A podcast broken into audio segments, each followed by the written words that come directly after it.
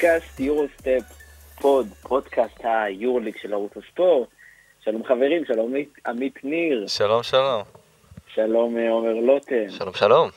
שלום סער שוהם. שלום, טוב להיות אני פה. אני מקווה שאתם יושבים באותם המקומות שישבנו בהם בבוקר, כי עכשיו אני לא רואה אתכם, זה למה הסאונד שלי נשמע קצת פחות טוב, אבל בהמשך הפרק זה ישתפר, אני מבטיח לכם. מה שלומכם? וואלה, בסדר גמור. אתה, אתה מבטיח שיהיו קסמים בהמשך הפרק? בהמשך הפרק יהיו קסמים, אל תדאגו. מעולה, מעולה.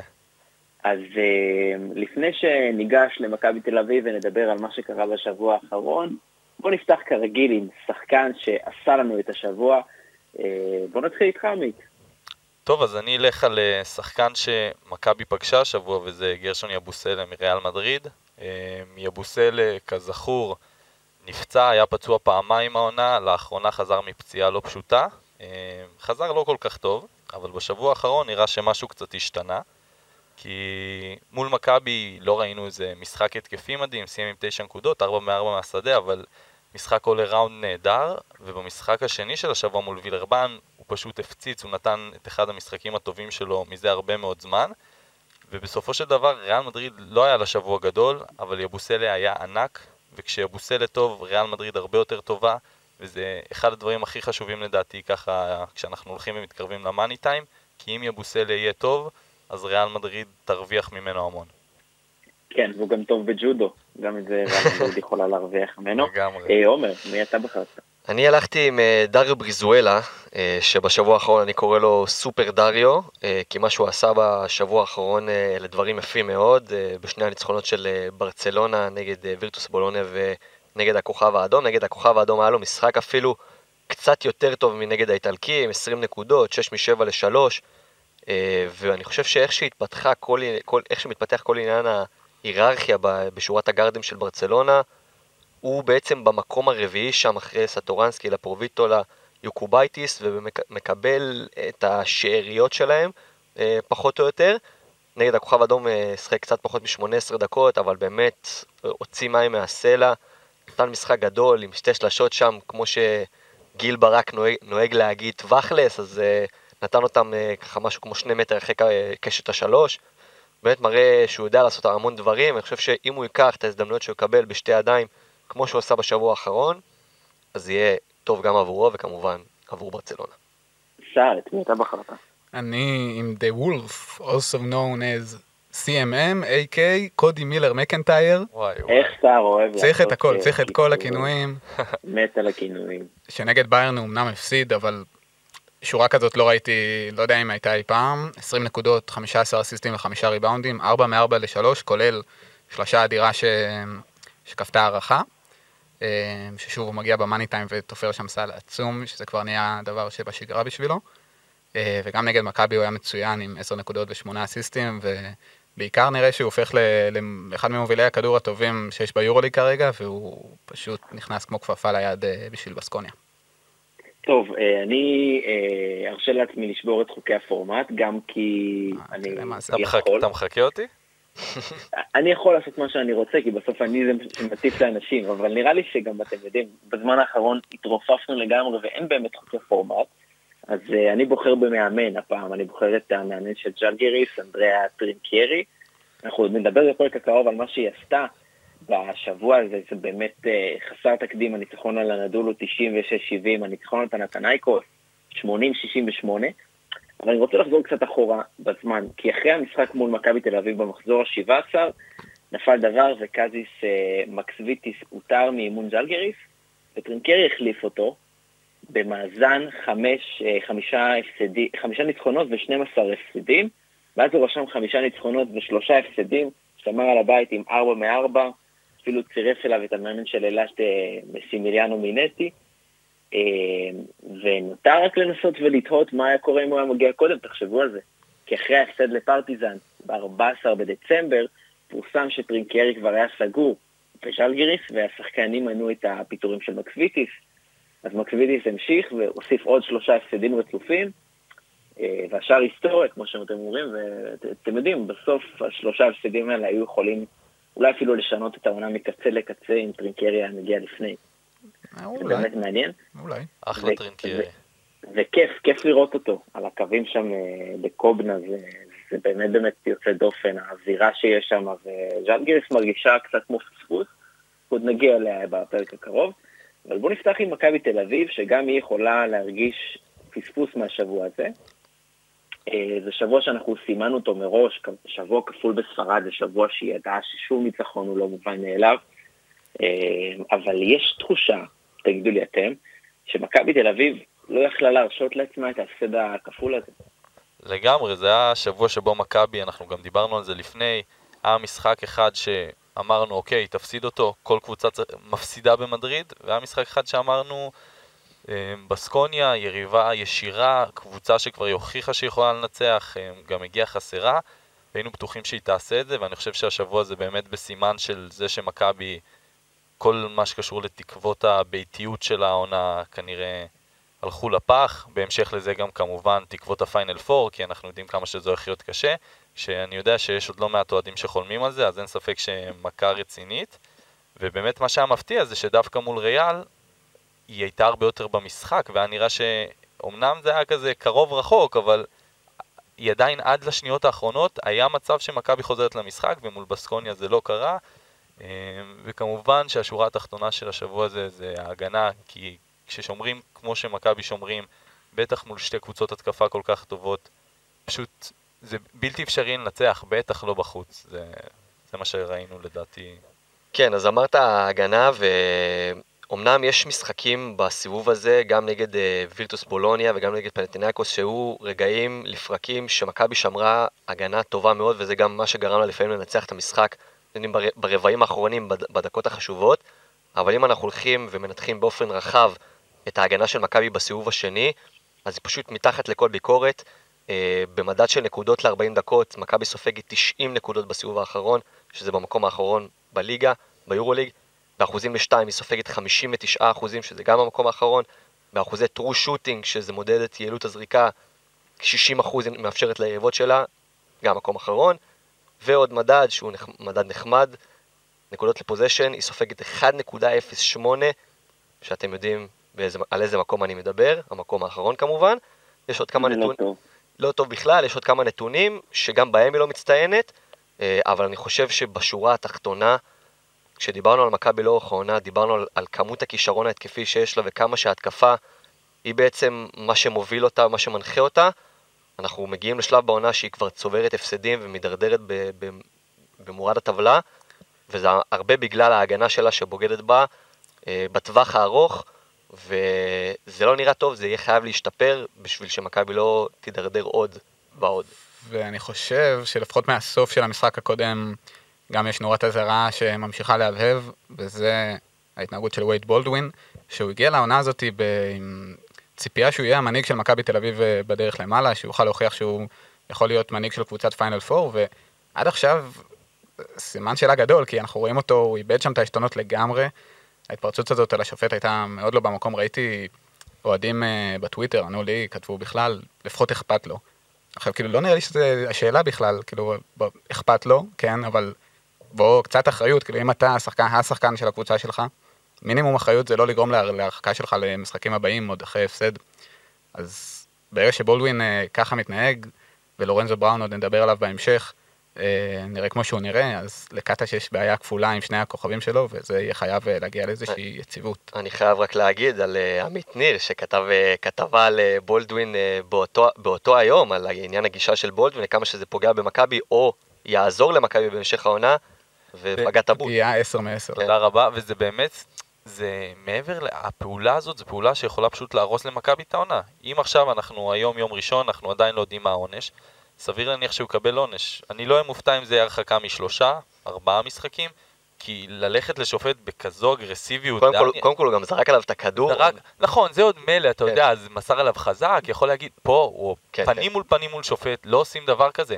עכשיו בולדווין יכול לשבת, אני לא יודע, ארבעה משחקים בחוץ. וזהו, זה ארבעה משחקים שמכבי יכולה לצאת מתמונת הפליי-אין אפילו, אז זה, זה באמת חמור מאוד, בטח שזה ברור שזה הכל בגלל התסכול, כי כשאתה כל כך טוב ולא הולך ומפסידים זה מעצבן, אבל ככה מנהיג וכוכב לא יכול להתנהג. אני, אני, חושב, אני חושב נגד ריאל זה היה משחק שהוא היה ההפסד הכי קרוב לניצחון, לא, לאו דווקא מבחינת הקרבה בתוצאה, אלא מבחינת ההרגשה שראינו את מכבי חוזרים פיגור דו ספרתי ומראים אופי, ובמעבר טבעת הזה של אורנזו בראון שם בסוף, לקראת הסוף, אני אמרתי בלב, נראה לי שמכבי לוקחים את זה, כאילו עושים פה איזה משהו נדיר, כי באמת הייתה אווירה שמכבי יכולה לעשות את זה לרגעים אה, מסוימים. גם תפסה את ריאל במצב שהיא יחסית שבירה באופן יחסי למה שאנחנו מכירים. נכון, נכון, אה, ולא כל קבוצה קולט 101 נקודות אה, במדריד. ודווקא בבסקוניה, אחרי שמכבי הגיעו, שהם כמעט מנצחים את ריאל מדריד הגדולה, חשבתי שהם יבואו עם מורל טוב, וגם עם, ה, כמו שאנחנו אומרים, הדחף הזה לנצח. חשבתי שזה ילך להם הרבה יותר פשוט, ושם ראינו באמת הגנה לא, לא מוסברת, רבע שני של מכבי שהיא מאפשרת 100% לשתיים של בסקוניה, דברים שאני לא יודע אם קרו העונה, אבל זה דברים שלא יכולים לקרות. יכול להיות גם שזה... יכול להיות גם שזה מה שפגע ב... במכבי בעצם, זה שהם היו כל כך קרובים במשחק מול ריאל, והרגישו שעד הסוף הם יכולים לתת שם, ו... ואז הגיעו למשחק שהוא על הנייר יותר קל, ונפגעו, זה גם לדעתי היה לזה קשר לניהול רוטציה של קאטה, ש... מן הסתם הוא נתן לקולסון וללורן, ולבולדווין לשחק 30, באזור 30 דקות מול ריאל, ואז בתחילת המשחק מול בסקוניה ראינו גם את לורן, גם את בולדווין וגם את קולסון 14 דקות רצופות, ואז הוא הוריד אותם ביחד בדיוק בתחילת הריצה של בסקוניה, ומשם כבר הם פתחו פער דו ספרתי שממנו מכבי לא הצליחה לחזור. אני חושב שדווקא יכול להיות שמול ריאל, אם ברבע השלישי המשחק היה נגמר, זה היה יוצא יותר טוב למכבי.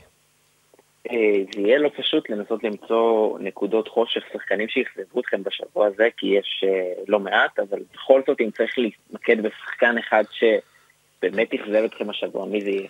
אני חושב ש... סליחה. הבחירה הראשונה והכי uh, הגיונית והכי פופולרית, אני מניח, בקרב האנשים שרואים את הקבוצה הזאת, היא, היא לורנזו בראון, שפשוט אי אפשר, אי אפשר להתכחש לכמה הוא לא מזכיר את השחקן שהוא באמת. מילא הגנתית, אנחנו לא מצפים ממנו לאיזה תרומה הגנתית או השפעה הגנתית מטורפת, אבל ההתקפה שלו היא חושך כרגע, הוא על, בחמישה משחקים האחרונים תשע וחצי נקודות למשחק, 0.62 נקודות פר פוזיישן, שזה נתון אה, מאוד מאוד מאוד נמוך, הכי נמוך בקבוצה, הוא עם 31% ל-2, 20% ל-3, 22.7% במהלכי pick and roll שהוא מוביל ו-25% במהלכי בידוד, אז ככה כשאחד השחקנים, אחד הכוכבים הכי גדולים שלך לא קיים בהתקפה, מאוד מאוד קשה להצליח. אני מסכים עם סער, yeah. ואני חושב שאם ב- בימים של לורנזו בראון נותן, מספק את ההופעות האלה, ההופעות אה, נפל האלה, אז אתה מצפה שמישהו מהספסל בעמדות הקו האחורי קצת ירים את הרמה, ותמיר בלאט זו דוגמה לשחקן שלא כל כך עשה את זה במשחקים האחרונים.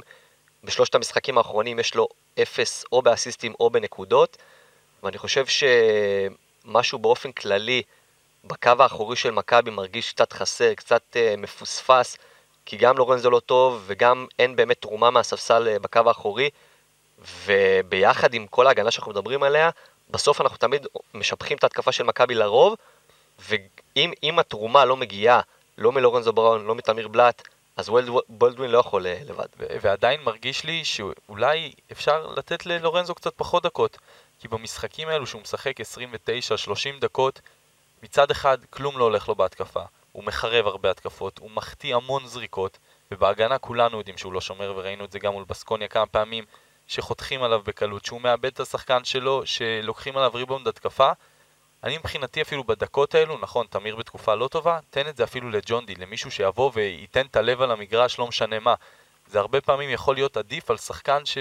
שפשוט נמצא במרה שחורה. הוא פשוט באמת לא מצליח, הוא מנסה להוכיח את עצמו ומצליח, מנסה לחזור לעצמו בכוח, וזה פשוט רק, רק מוריד את יתר החברים שלו שכבר מאבדים ביטחון בו ובהתקפה בכלל, כי אתה רואה אותו עם הכדור מכדרר 17 שניות ובסוף עולה ל pull-up jumper שלרוב לא נכנס, וזה מתסכל לא רק אותו, גם, גם את כל הקבוצה. אז... אנחנו מדברים הרבה על שחקנים של מכבי תל אביב, אבל רואים הרבה הרבה ביקורת ברשתות החברתיות אה, גם על עודד קטש, אה, כמאמן הקבוצה, כאיש שמנווט את כל הדבר הזה. מה החלק שלו אה, בשבוע הזה של מכבי? אני אגיד לך מה, אני חושב שבאופן כללי העונה ראינו לא מעט פעמים שקטש באמת עם ניהול משחק לא מספיק טוב, אני גם התייחסתי פה בעניין של חלוקת דקות ומתי אתה שם את הכוכבים על המגרש ומתי אתה צריך לתת גם לכוכב לנוח אם הוא לא נראה טוב. אבל אני חושב שמה שאני רואה בתקופה האחרונה ברשתות נגד קטש קצת יצא מפרופורציות, כי, כי עודד קטש בסך הכל עושה עונה טובה עם מכבי, אנחנו צריכים לזכור, אתם ראיתם את הפינה של אה, עודד אלפרין עכשיו בחמישיות, יורוסטפ, כן. כן. אה, בלי קידום, בלי לקדם את עצמנו כמובן, אבל אה, שמדבר שם על כמה שהביתיות משמעותית, בטח העונה ביורוליג, משהו ממש קיצוני. וצריך לזכור, מכבי תל אביב לא משחקת בבית, היא שיחקה משחק אחד. היא נמצאת במצב שבו היא נאבקת על הפלייאוף, על הפליי-אין. וכאילו בעונות קודמות, מישהו יכול לחשוב על זה שמכבי בלי ביתיות מתחרה על המקומות האלו? בלי ביתיות לדעתי לא ב- בעשור האחרון, אולי חוץ מעונת אה, אה, 19-20, מכבי תל אביב מתחרה במקרה הטוב על מקום 15. כן. אז אני חושב שזה יוצא מפרופורציות, כן, עונה לא פשוטה, אבל בסופו של דבר מכבי כן מצליחה להוציא הרבה מהעונה הזאת, הרבה מאוד. כן, וכאן צריך לדבר על אה, עוד משהו שלא מספיק מדברים עליו בהקשר של מכבי תל אביב, זה עניין הרכש, גם ביתיות, אבל גם רכש למכבי תל אביב אין בעצם את האפשרות כרגע לפי מה שזה נראה, אה, להביא שחקן אה, שיכול לשפר, שיכול לחזק, ליריבות שלה ביורוליג יש את זה, אפילו ליריבות שלה בישראל, הפועל תל אביב, להפועל ירושלים, הפועל חולון, אנחנו רואים שהן עושות מהלכים בשוק ההעברות, ככה שהמלחמה היא לא תירוץ בקטע הזה. צריך לזכור, יכול להיות שהבעיה היא הרבה יותר גבוהה מקטע שזה כבר עניין מערכתי. כן, ברגע שמקזזים לשחקנים בשכר, אז אי אפשר להביא עוד שחקן, אבל השאלה באמת, כאילו אני תוהה אם היה שחקן שהיה יכול באמת לפתור את העניינים האלה של, את העניינים של הקבוצה הזאת, כי מאוד קשה למצוא שחקן אה, רכש שבאמת משנה עונות, ושהוא נכנס ישר לסיטואציה ומוסיף, אבל כן, זה גם, אה, גם עניין, זה לא משהו שהוא רלוונטי בכלל לעונה. כן, ו... כן, כן. לא, רצה להגיד משהו, שרבי? לא, לא, תגיד. אה, בעיקרון סיימנו את הדיון על מכבי, נכון? כי... או שאנחנו רוצים עוד להרחיב מקצועית על מה שקרה בשבוע האחרון? אני חושב שכן, סיימנו. אז חיכיתי לסוף הדיון המקצועי, כי ישב לי משהו על הלב, כשראיתי את המשחק של מכבי בבסקוניה, אז uh, אתה יודע, לפני שנכנסתי למשחק, היו כל מיני ידיעות uh, על uh, דגלי פלסטין ותמיכה בכל מה שקורה בעזה וכל מיני דברים כאלה, והפגנות פרו-פלסטיניות. ואמרתי, בטח במשחק נגד מכבי, אז יהיו בטח איזה שניים שלושה דגלים של דגלי פלסטין ביציאה, ו- ונזרום עם זה, ואז פתאום אני פותח את הטלוויזיה ואני רואה מאות דגלי פלסטין ושירים ותמיכה במה, במה שקרה בשבעה באוקטובר, ותמיכה פרו-פלסטינית באמת אדוקה, ואני רוצה רק לתאר מצב שאם היה קורה אירוע טרור בספרד, ומכבי היו רוצים להזדהות עם המפגעים בספרד, והיינו מגיעים למשחק בהיכל מנורה, וכל אוהדי מכבי היו uh, עם דגלים של, של אותו אישות או אותו ארגון, לא משנה מה, האם היורוליג היה עובר על זה בשתיקה? ואני חושב שלא. אני חושב שיש פה איזושהי שתיקה מאוד רועמת מצד ארגון היורוליג. Uh, לא ראיתי על זה יותר מדי רעש, גם, האמת שגם לא ראיתי את מכבי יותר מדי על זה, אני מאמין שהם רוצים להתעסק בכדורסל. בכל מקרה, מרגיש לי משהו צבוע ומאוד מוזר בכל ההתנהלות של היורוליג. טיפה איזו אמרה מסוימת, איזו ענישה מסוימת, לא ראיתי שום דבר, ולי זה מאוד הפריע. צריך לזכור, זו אותה הנהלת יורוליג, ששבועות בודדים אחרי ה-7 באוקטובר, כינסה ישיבה כדי לדון בהדחה של מכבי תל אביב. והקבוצות הספרדיות הן אותן הקבוצות שהצביעו בעד הדבר הזה, או, לחל... או לא, לא, לא הצביעו, אבל היו בעד הדבר הזה, המהלך הזה. הרבה מאוד צביעות, הרבה מאוד בורות, אנשים שלא ראו, מעורבים, לא יודעים את כל הסיפור, הולכים עם הצד החלש, זה כל כך מגעיל וכל כך מחליא, ואנחנו מכאן מגנים את הדבר הזה ביחד, אני מניח. אה, וכן, לא, לא פשוט גם לשחק במצב הזה, זה באמת, אה, באמת באמת לא פשוט. טוב, ממשיכים הלאה. אה, לקבוצה הספרדית שעושה לנו טוב על הנשמה בעונה הזו, זו ריאל מדריד, דיברנו עליה קודם בהקשר של מכבי תל אביב.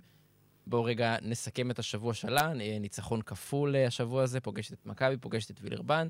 אני מניח שאין יותר מדי מה להרחיב על הניצחון על וילרבן, אבל היא ממשיכה לשייט מאזן 22-3. בואנה, זו קבוצה. זה כמו, כמו שאמרנו, זהו. היא, היא לא, היא רחוקה מלהיות בשיא שלה, אבל היא עדיין לא זורקת משחקים מיותרים לפח. בגלל זה היא משעממת. השאלה אם ריאל, באמת איך היא תגיע לאפריל-מאי, זה באמת כל מה לא, שמעניין נכון. בריאל, כאילו עד אז היא פשוט מעבירה את הזמן, ותסיים ראשונה, תנצח את רוב המשחקים, בטח תפסיד פה ושם, אבל זה באמת לא אכפת לה. איך היא תגיע למאי ולאפריל ומאי זה מה ש... קולט שגמרתי איתה, ואתם זוכרים את הקמפיין על הריבאונדים? כן. רצתי... קטיפה, קמפיין הקטיף. הקטיפה. בין הקטיף. צלח מאוד ברשתות אה, הקטיף. אבל באמת, החזרה של יבוסלה, מה שעמית אמר, מסכים מאוד, זה ממש יכול אה, לדחוף אותם קדימה, וטווארס, צריך להבין אה, מה קורה איתו, כי כן. זאת לא אותה קבוצה בלעדיו. ראינו את זה נגד מכבי, שפשוט פתאום יש צבע, כאילו שאפשר לפרוץ בריאל, שזה משהו שאנחנו לא, לא רגילים, ו, וזה קריטי מאוד בשביל הקבוצה. שיהיה לכם ברור שאם אוברדוביץ' מאמן את הקבוצה הזאת, הם כבר, מייצ... הוא מייצר להם משבר, מה שנקרא, זה ידוע אצל אוברדוביץ', ונראה שצ'וס מטאו לא כל כך הולך עם השיטה הזאת, דווקא...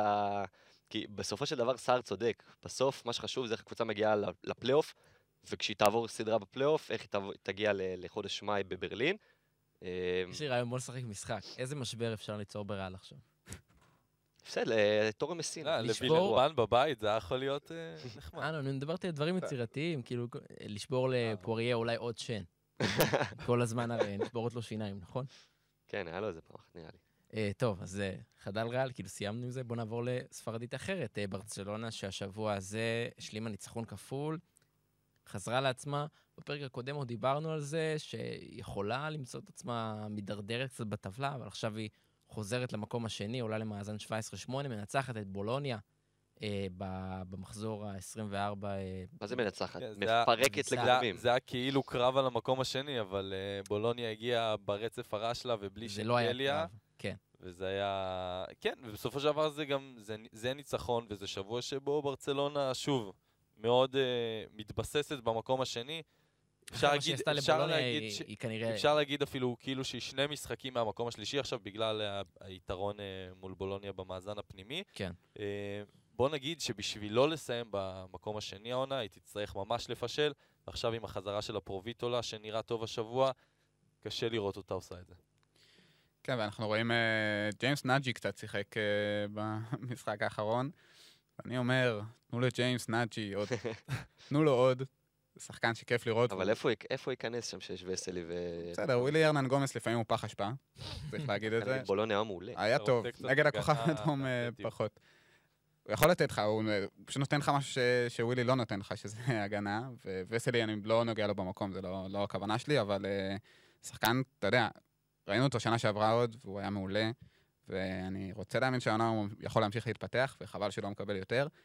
אה, וג'אברי פארקר זה כבר נהיה חלק אינטגרלי מהקבוצה הזאת, כאילו. כן. נהיה חלק מברצלונה, ואני לא חושב ש... כאילו, אתם יודעים, כשמגיעים שחקן, שחקן מה-NBA, הוא נראה מופרד הרבה פעמים, לא קשור למשחק. ג'אברי פארקר עשה את זה מהר יותר ממה שיכולנו לדמיין. גם מה שאפיין את ג'אברי פארקר בקריירה המוזרה שלו ב-NBA זה חוסר היציבות, חוסר היכולת לשמור על הרמה, וכי יד- ברור שהוא מלא בכישרון, לא סתם הוא נבחר כל כך גבוה בדראפט, והוא פשוט מצליח לשמור במשך עונה שלמה על יציבות, להיות השחקן אולי הכי, הכי בטוח שם.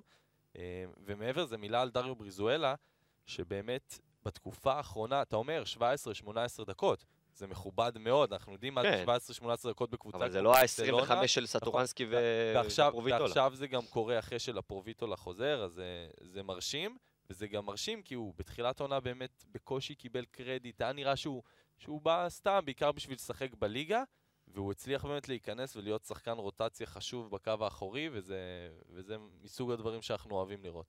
כן. טוב, אה, בולוניה, שפתחה את השבוע בטרחה הזו מול ברצלונה, התאוששה קצת נגד פרטיזן, וקיבלה בחזרה את שנגליה, עדיין לא ביכולת שאפיינה אותו, אבל זה מאוד מאוד חשוב לקבוצה, בטח כשראינו איך הם נראים בלעדיו. כן, והניצחון על פרטיזן זה היה כאילו...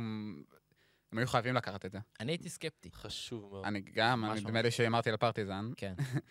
אה, זה היה משחק כאילו either way, וראינו שם כבר פרטיזן, זה היה נראה שהיא הולכת אה, לגמור את המשחק, ואז פתאום איפה לונדברג התעורר, אפרופו שחקני קלאס. זהו, באתי להגיד, הוא הקודי מילר מקנטייר שלהם. לדעתי הוא שם שם עשר נקודות בשש וחצי דקות האחרונות או משהו כזה, ולקח את המשחק הזה. צריך להזכיר, סל ניצחון נגד אולימפיאקוס, ב- נכון, סל ניצחון, ולדעתי נגד ביירן בבית, גם הוא קלע שם איזשהו סל בקלט שעזר הוא לא רבעים אה, אחרונים של אה, 15 נקודות משום מקום.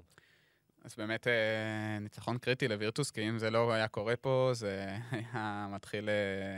זה היה פגיעה מורלית אדירה, כאילו, המשבר רק היה מעמיק, ופרטיזן זאת גם קבוצה ש, שרצה, היה יכול להכניס אותם לבור עמוק, וטוקו זה משמעותי מאוד. וגם יחי ההבדל ממכבי, מעבר לתצוגה של לונברג שם בסוף, הם הצליחו לייצר סטופים בזמן הנכון, וגם שתי חטיפות ממש חשובות היו שם, שבעצם אלו שהצליחו כן. להפוך בסוף את התוצאה.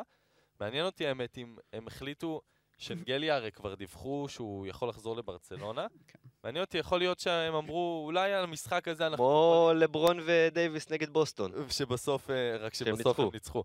אבל אה, יכול להיות שהם אמרו, כאילו, מול ברצלונה, בחוץ, אולי נחכה יומיים, המשחק מול פרטיזן יותר חשוב, ובסוף זה יתברר כהצלחה, כי באמת, שנגליה לא היה מדהים, אבל כן הצליח להוציא ביחד עם הקבוצה את... את המ... כאילו, הם היו במאזן אה, רע מאוד מאז אה, הפציעה שלו, הם היו נראים רע וכבר התחילו להידרדר, וזה באמת ניצחון שאיכשהו מייצב אותם, והם עדיין במקום השלישי בטבלה. אז uh, זה היה באמת מאוד מאוד חשוב. וצריך להגיד, מרקו בלינלי כל פעם, חשוב להזכיר, זה בן אדם שהוא, אני חושב שהוא כבר חגג 38, אין, אין דברים כאלה, באמת, הוא יוצא על חסימות כמו הילד הכי נמרץ, והוא קולע זריקות קשות, אפילו לפעמים יותר קשות. ממה שהאווארד עושה, כי תמיד יש לו את הזריקה עם הרגליים שנפתחות אה, הצידה, ואין רמות קושי כאלה, והוא קלע 20 נקודות נגד אה, אה, פרטיזן, עם 5, אומנם 5 ו-13 ל-3 זה אחוזים לא כאלה כבירים, אבל. בסוף לא רעים. הבן אדם נותן עבודה גם בגילו המופלג, ואם הוא ימשיך לתת את העבודה הזאת, אז אה, וירטוס אה, יכולים עוד אה, למכור דברים קבוצה. שבאמת באמת כיף להיות בעדה אה, בעונה הזו, ואנחנו מקווים שהסיפור שלה רק ימשיך וימשיך ולא ייקטע איפשהו בפלייאוף. מכאן אנחנו עוברים למאבק הבאמת באמת אה, קשוח שיש על המקומות האלה בין הפלייאוף לפליי-אין לבחוץ. אנחנו נתחיל עם הצמרת של המאבק הזה, פנתנייקוס, מונקו ופנרבכצ'ה. כל הקבוצות האלה עם מאזן 15, 15 ניצחונות ועשרה הפסדים. אה, השבוע של פנתנייקוס, ניצחון והפסד, התחילה אותו עם ניצחון על מילאנו, סיימה אותו עם הפסד באמת באמת אה, מפתיע, אפילו נגד ג'לגיריס. איך אנחנו מסתכלים עליו? בעיקר היו נראים מאוד רע נגד ג'לגריס, כאילו הם נבלעו שם בתוך הג'לגירו ארנה ולא הצליחו, מההתחלה זה היה נראה, זה היה נראה משחק של ג'לגריס מהרבע הראשון. כן. אה, וברגע שקינן אבנס, שאגב, אה, אתה אמרת פנרבכצ'ה, ראיתי איזה דיווח שב-SDNA ש... שהוא אחד המועמדים לשם לעונה הבאה. לא שזה אומר משהו, הוא זה... חייב ללכת... חצי לאן- שנה. לא לשם. לא לשם, לך לי לאולימפיאקוס. אני כן. בעד. אז כשהוא מגיע ככה ובירוטיס, שהופך בשבועות האחרונים לאחד הסנטרים, אני- אני צייצתי, הוא עשה שם איזה שתי גויאבות, צייצתי, זה לאור- לאורינס בירוטיס או לאורינס אליהו. מצוין, באמת גויאבות, כן. בשלות. כן. גויאבות בשלות. אה, הפרי הזה אף פעם לא בשל, נכון? לא, הוא בשל בעצם שבוע אחד בשנה, ושאר לא, הזמן הוא... הוא בשל, הוא אף פעם לא טעים. אוהב את הקטיפים, אתה גם ל... אני, כל מה. שקשור לקטיף, אני אה, בא מעמק חפר, זה אזור של חקלאות. קיצור, אבל אה, כן, בעצם פנתנייקוס, כל מה שהיה לה במשחק נגד ז'לגריס זה קנדריק נאן, שהיה מעולה, וגם קצת, כאילו, יותר מדי היה עליו, שבעה עיבודים גם, אה, גריגוניס ולסור, וזה בעצם היו השלושה שחקנים היחידים שכלו יותר משבע נקודות. כלו שם סך הכל שישה שחקנים, אז ככה קשה לקלוע יותר מ-68 נקודות. והעומס שיש על נאן, אפשר לחבר את זה מן הסתם להיעדרות של סלוקאס, ווילדוזה חזר. ובזמן האחרון הוא נראה, הוא לא נראה לי כמו שחקן יורוליג בכלל, זה השחקן שדיברנו עליו כרכז שהוא רכז תותח ביורוליג, אמור להוביל קבוצות, והוא פשוט בתקופה הזאת, אה, כל דקה שלו המגרש נראית מאוד מיותרת בשביל אה, התאמן, וזה מה שקורה גם. וזה חבל, כי אנחנו יודעים מה יש לו לתת, הוא שחקן שיש. באמת המון מה לתת. וזה מוביל לזה שקנדריק נאן, משחק ראשון, הכל עליו, 3 מ-16 מהשדה. משחק שני, אומנם סיים 26 נקודות, אבל שבעה עיבודים והמון כן. המון בלאגן, כמו שראינו גם במשחק, אה, בהפסד למכבי לא מזמן. וגם חשוב להתייחס כבר, אנחנו במצב שאפשר להתייחס כבר ללוז שנשאר. אה, לחוזק, וכרגע לפנתנייקוס אה, יש, יש, נשאר ללוז לא פשוט בכלל העונה. ועוד מעט נגיע, אני הסתכלתי על כל אחת מהקבוצות במאבק הזה, עד כמה הלוז שלה קשה. אז פנתנייקוס נשאר לה לוז קשה, ולדעתי ההפסד הזה לז'לגיריס אה, יכול להתברר כממש ההפסד שישים אותה, לא, שבגללו היא לא תקבל את הביתיות בסוף העונה, ואנחנו יודעים כמה משמעותי זה יכול להיות. מאוד מאוד משמעותי. עוד קבוצה שיהיה לה מאוד משמעותי הביתיות זו פנרבכצ'ה, מהמקום השישי. גם היא, כמו פנתנייקוס עם ניצחון והפסד השבוע, היא פגשה את וילרבן, ניצחה אותה, פגשה את מונקו, הפסידה לה. יש לנו הרבה על מה לדבר אה, על פנרבכצ'ה, גם על ים הדר, אבל לפני זה בואו נתחיל רגע בקבוצה בפנרבכצ'ה. אה, ההפסד הזה נגד מונקו הפתיע אתכם? לא, לא?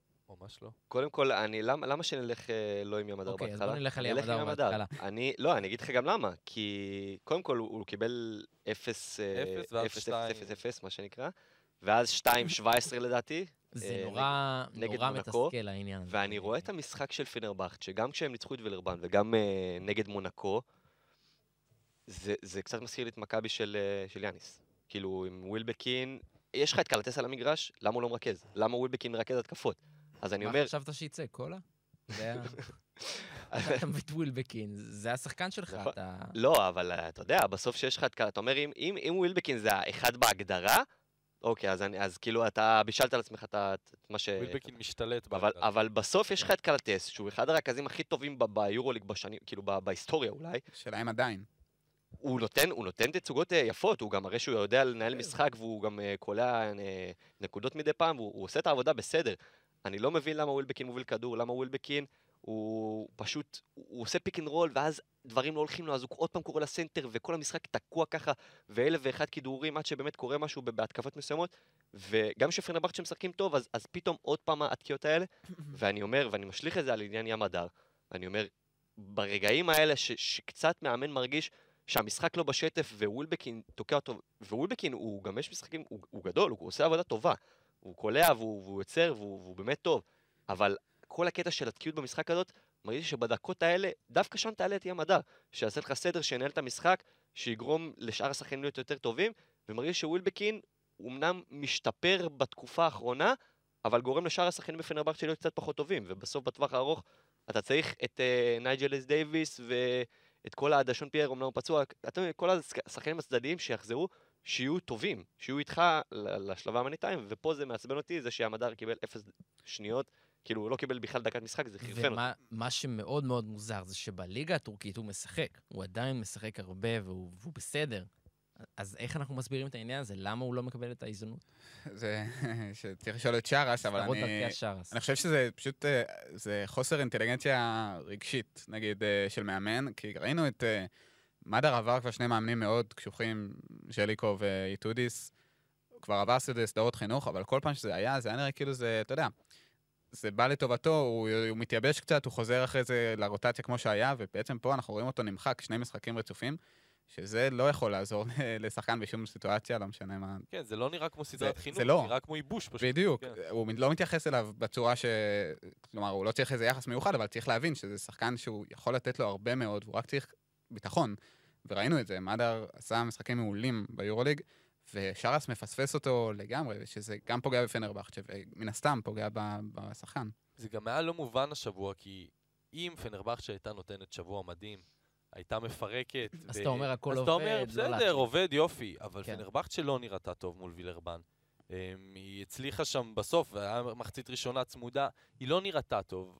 מול מונקו אמנם שלושה רבעים ראשונים. אבל ראית שהיא נופלת מהרגליים. טובה, אבל כן, היא נופלת מהרגליים, וים הדר זה. שחקן, גם זה שחקן שברור שהוא יוכל לתת לו במצבים, בהמשך, במשחקים קריטיים, דקות חשובות בטירוף בהגנה, על שחקנים כמו מייק ג'יימס, על שחקנים כמו שיין לארקין, כנראה הם לא יפגשו בשלבים המכריעים של העונה, אבל זה ברור שזה שחקן שהוא יצטרך אותו. אז באמת, זה, זה לא מובן, זה לדעתי טעות גדולה של שרס, אה, אנחנו נגלה את זה בהמשך, אבל הוא חייב, הוא חייב לתת לו את הדקות האלו כדי שירגיש שהוא חלק, כדי שירגיש, הנה, כן, רוצים לתת, כי גם אחרי אפס דקות אתה נותן לו שתי דקות בסוף המחצית הראשונה, כן. וזהו, ולא מחזיר אותו, הוא עשה משהו רע בשתי דקות האלו, הוא היה נורא בשתי דקות האלו, מה הוא כבר יכל לעשות, שאתה אומר, לא, לא מגיע לו יותר דקות במשחק הזה. לדעתי פשוט ניהול רע של שרס, ואני אישית מקווה שזה, הוא ירגיש את זה בהמשך. אחרי הרנט הקבוצתי שאנחנו עושים פה על שרס, אני רוצה טיפה לפרגן לו, אני מרגיש שאני גם אש- אשם בדבר הזה, כי התחלתי את העניין, הדלקתי אתכם.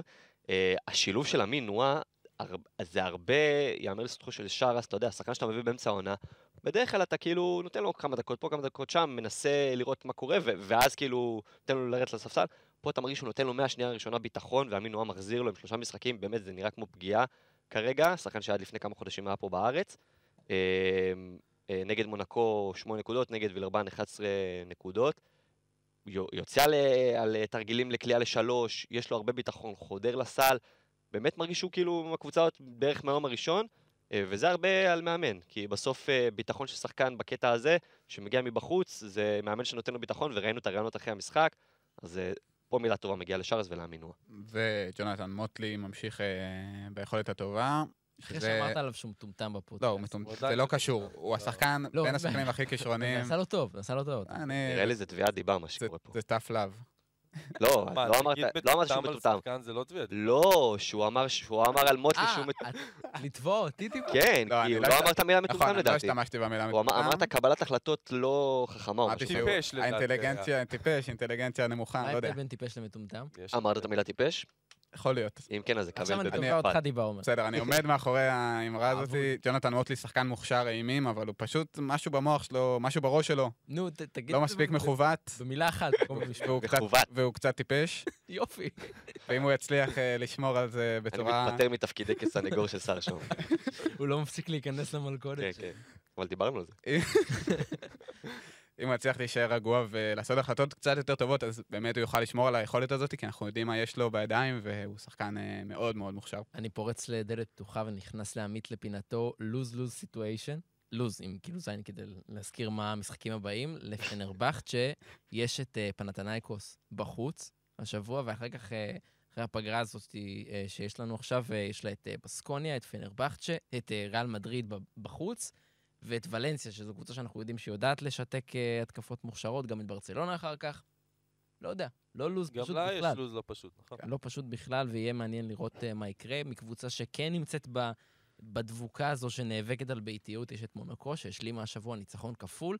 אז היה אחד על פנרבכצ'ה והיה אחד על פרטיזן, ושניהם ניצחונות מאוד מאוד מרשימים כשמגיעים לשלב הזה של העונה. וכרגע מונקו אולי הקבוצה שמסתמנת כפייבוריטית לביתיות. ו- ארבעה ניצחונות כן. ברצף. גם ארבעה ניצחונות ברצף, וגם דיברנו על הלוז של השתיים האחרונות, או. הקודמות, רגע, אבל תגיד, תמסגר, lose-lose situation. אז lose lose situation, למונקו יש את הלוז הכי קל מכל הקבוצות האלו. יש להם, אה, עכשיו שני משחקים הבאים, יש להם שני משחקים מאוד חשובים בקרבות האלו, מול אה, בולוניה וברצלונה, ואז שבעה משחקים אחרונים של העונה, יש להם את הלוז הכי קל ביורוליג. ככה שאני חושב שניצחון אחד מול בולוניה או ברצלונה, ואני מאמין שמונקו, המקום שלהם בטופ 4 יחסית מובטח, מה שר? אני יש לא- לה לוז מטורף, כאילו, נכון? אף קבוצת- אה, פלייאוף. אז, תקריאו אותו. מה זה, ברצלונה בסכנה במקום השני. למכבי, דרך אגב, מקודם דיברת, נגיד דיברת על המספרים של מכבי עד עכשיו בסיבוב הזה, צריך להגיד, למכבי גם נשארו הרבה משחקים נוחים יחסית. כן, כי היא אה, פתחה זה יכול. להתאזן, אבל אצל מונקו הלו"ז זה? קיצוני. מה הלו"ז? אה, אז הלוז הוא אחרי, כמו שעמית אמר, נגד וירטוס ברצלונה, יש להם את כוכב האדום בבית, אלבה ברלין בחוץ, מילאנו בית, ולנסיה בית, וילרבן בחוץ, שזה בעצם צרפת, אז הכל טוב. אה, ג'לגיריס בבית וביירן בבית. מטורף. מדהים. זה- וזה גם דבר שעודד אלפרין אמר ביורוסטפ. הוא סימן כבר את מונקו, אז צריך לתת לו את זה. אה, באמת מרשים. אז מעבר לזה, באמת, מייק ג'יימס ממשיך בעונה המטורפת שלו עם עוד שבוע שהבן אדם גם, הם פעמיים, הם לא, לא היה להם משחק מדהים, שני המשחקים האלו ככלל לא היו מדהימים, אבל רבע האחרון הם הצליחו פעם אחת אה, להגדיל את ההפרש, פעם אחת להפוך את המשחק. פעמיים, כי מייק ג'יימס פשוט בטירוף של, של מייק ג'יימס, שהוא לוקח את השלשות הקשות שלו, אבל זה לא מעניין אותו והכל נכנס, אה, ומדהים לראות אותו ככה. וחשוב להגיד, ארבעה ניצחונות רצופים, התחילו מהרגע שג'ורדן לויד בדיוק. חזר, וואו. ואנחנו אוהבים להחמיא לו, הוא לא היה מדהים. הוא לא, הוא לא מדהים, אבל אנחנו רואים את טוקובו הרבה יותר, הוא משתפר מאוד מאז שג'ורדן לא כולם התחזר. הרבה יותר חופשיים, זה מדהים, כן. מה שהוא עושה. וג'ון בראון, שזה שחקן שאני באופן אישי מאוד אוהב, שהעונה הוא חווה עונה פחות טובה, נגד פנרבכצ'ה.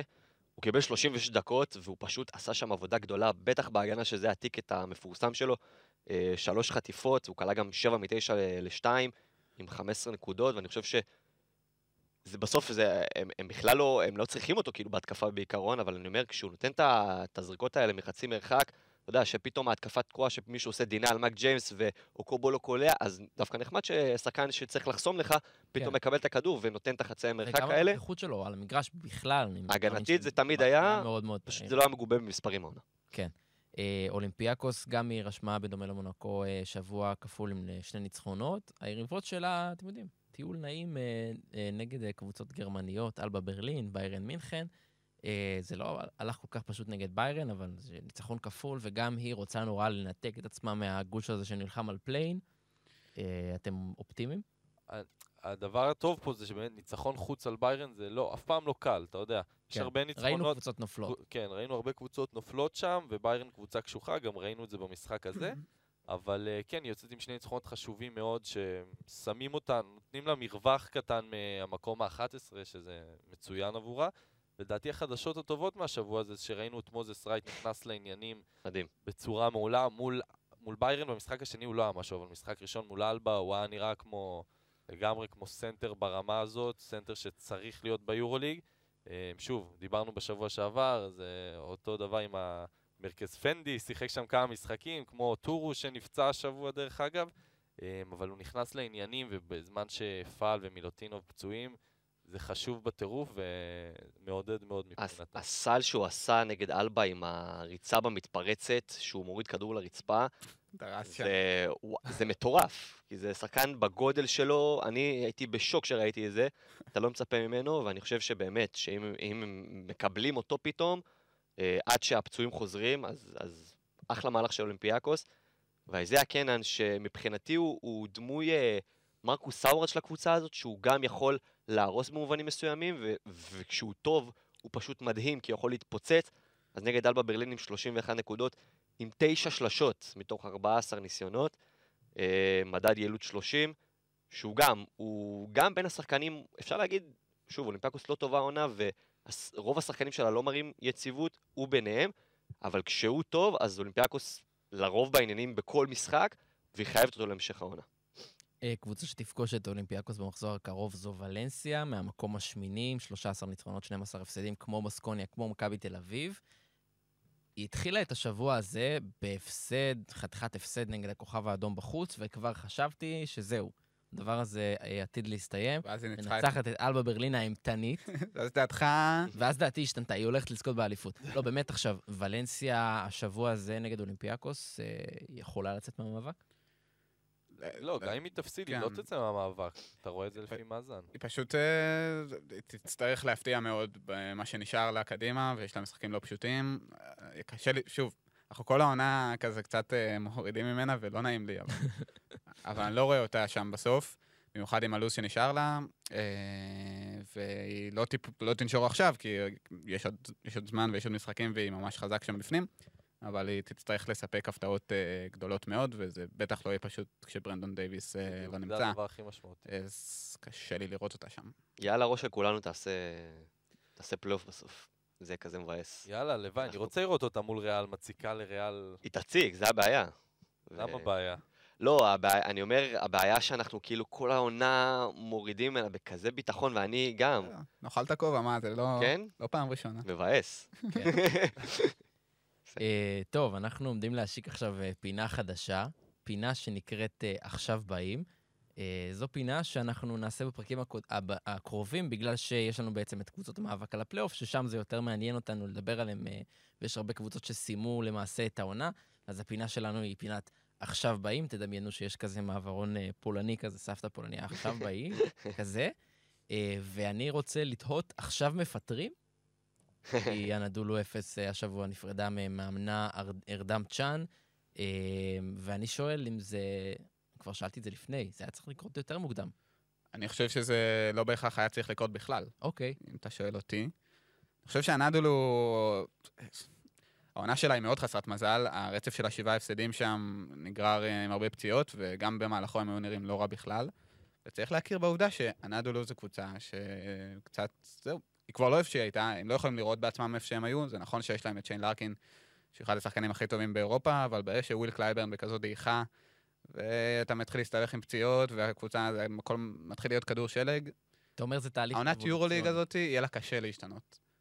עדיף להשאיר אותו, הוא אחלה מאמן, וזה עניין, ש- צריכים לבנות שם תהליך חדש, ואני לא חושב שלפטר אה, צ'אן, שהוא באמת עשה עבודה טובה בעיניי. זה נכון שהמאזן לא טוב, והקבוצה לא נראית מדהים, אבל זה לא היה שונה גם כשהוא לא היה שם. אני חושב שהם צריכים להתחיל תהליך חדש, והוא דווקא יכול להיות אה, בן אדם נכון מאוד בשביל זה. את, אתם לא רואים אותם עושים אה, ריצה בלו"ז שיש להם? כי יש להם לו"ז יש יחסית להם לו"ז. לא, לא קשה בכלל. אני לא רואה אותה. הם פשוט... גם אם עושים ריצה, זה לא...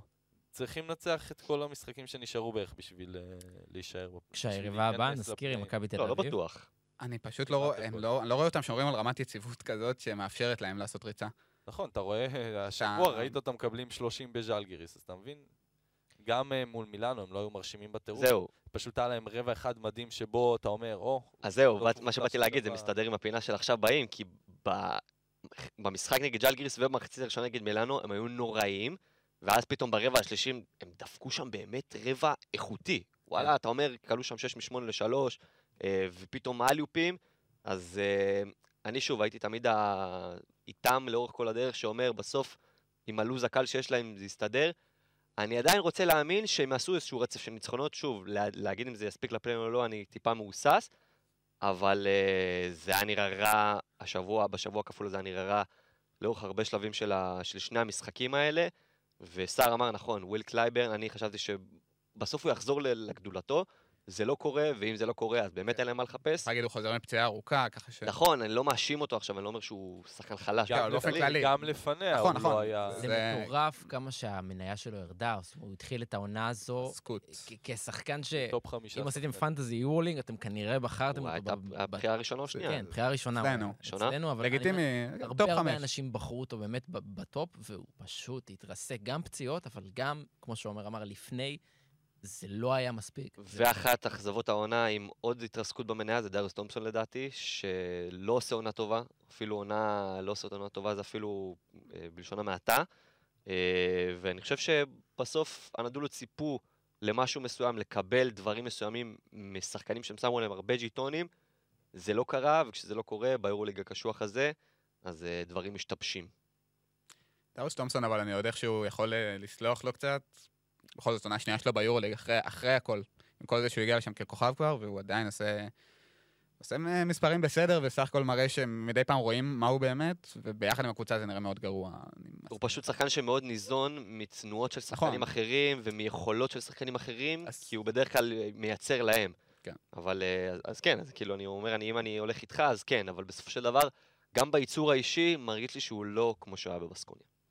כן, נדולו אפס, אה, בהחלט סיפור עצוב. עוד קבוצה שבא לכם ככה לסמן, אה, אה, לדבר על איזה משהו שקרה השבוע? מה מה עם בסקוניה?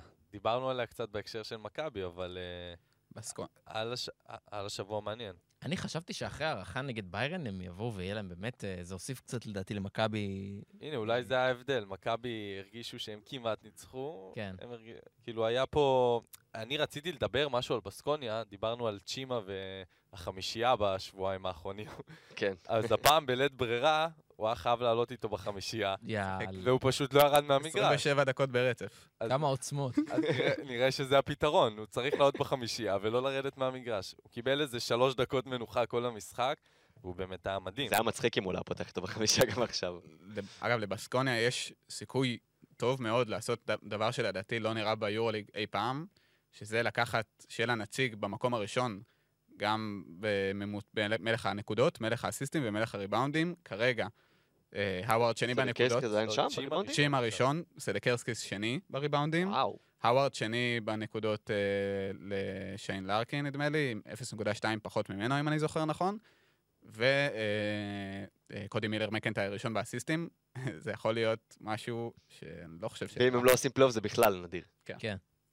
אז זו קבוצה שאם היא, אם היא נכנסת לפליי-אין והיא היא באמת באמת בערב נתון יכולה להפתיע, כי כמו שאמרנו, כשהכוכבים מסתדרים לה, אז uh, הדבר הזה הולך טוב. עוד משהו? זהו. זהו, אז אנחנו uh, נתכונן למחזור הבא בליגת כדורסל הטובה באירופה.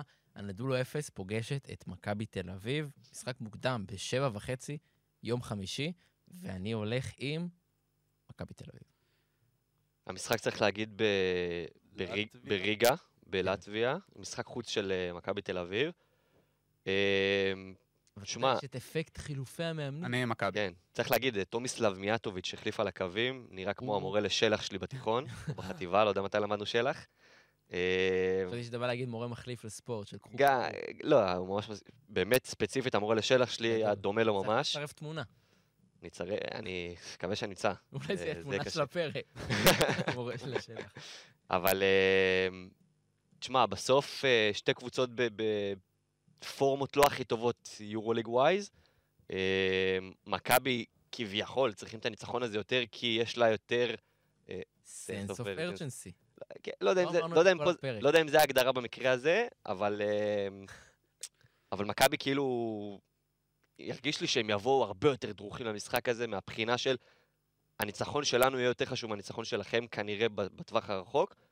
אה, וזה יהיה משחק מעניין, אני צופה פה משחק סמוי. לא אמרת על מי אתה מנחש. נכנסת פה ל take? אנדולו אפס. אוקיי. אני מכבי.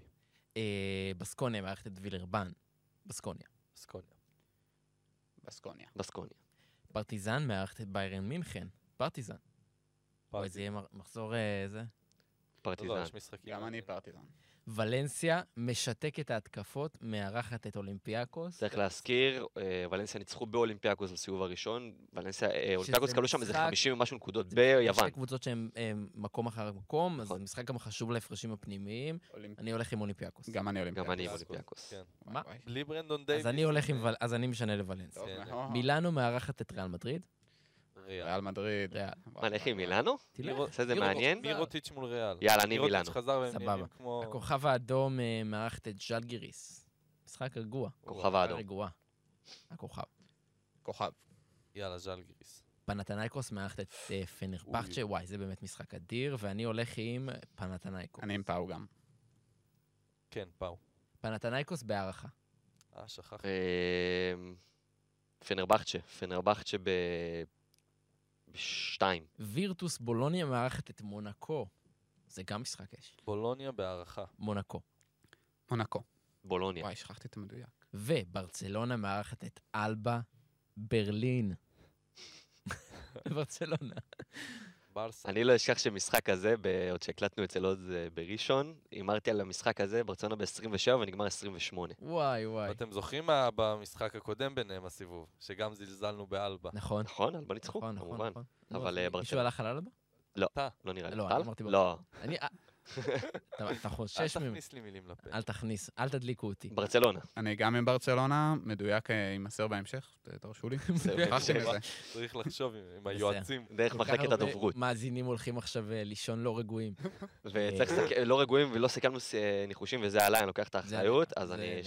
שמים פה אני... כנראה שלא לא היה לך מספיק sense of urgency. יכול, יכול להיות, זה. יכול להיות. אנחנו רק נזכיר לכם שאחרי המחזור הקרוב היורוליג יוצא לאיזה פגרה, עמית דיברנו על זה קודם, וואלה, זה... זה מוזר. מוזר, כי זה לא קרה... שלושה שבועות בלי משחק. כן. אז אה, יהיה לנו. קשה, אנחנו ננסה להשלים את החסר. אם יש לכם רעיונות לדברים שאתם רוצים לראות, אז תשלחו לנו ותכתבו לנו, אנחנו נשמח אה, אה, לעשות את זה. תודה רבה לך, עמית ניר. תודה לך שם. תודה רבה לך, עומר תודה לוטם. רבה לך. תודה רבה לך, שר שוהם. תודה רבה, עומר שרבי, והפעם, האמת, אני, אני, אני אודה להם שם שעדיין לא הודיתי לו, זאת מאי לב ארי המעולה. היא רצתה להיות, ב... היא כל הזמן אומרת, תביאו אותי ליורוסטפ. אני- מאי. אני אמרתי, הבאנו אותך ליורוסטפ. אני אמרתי אה, לעמית לפני הפרק, If you can join them, join them, אה, record them. אתה לא וואו, יכול להצטרף, הקלט אותם. אבל מאי באמת אחות יקרה, והיא עשתה פה עבודה אחלה מאי. מעולה. פנומנלית, הדרך בה הכנסת את הפתיח, באמת זה היה נפלא. וירד איתנו בלב, צריך להגיד. וירד איתנו תמיד. אה, כן, אנחנו נזמין אתכם לשמוע עוד פודקאסטים אחרים מבית ערוץ הספורט, כמו סטרץ' פור ורדיו אזורי, אזור. ועולים לרגל. ועולים לרגל. באמת באמת הרבה הרבה תוכן, וגם אה, פרקים ישנים שלנו, אם אתם רוצים להתרפק ככה על נשכחות מהתקופה אצל עוז נקש. אני אומר שרבי, ואנחנו ניפגש בפרק הבא.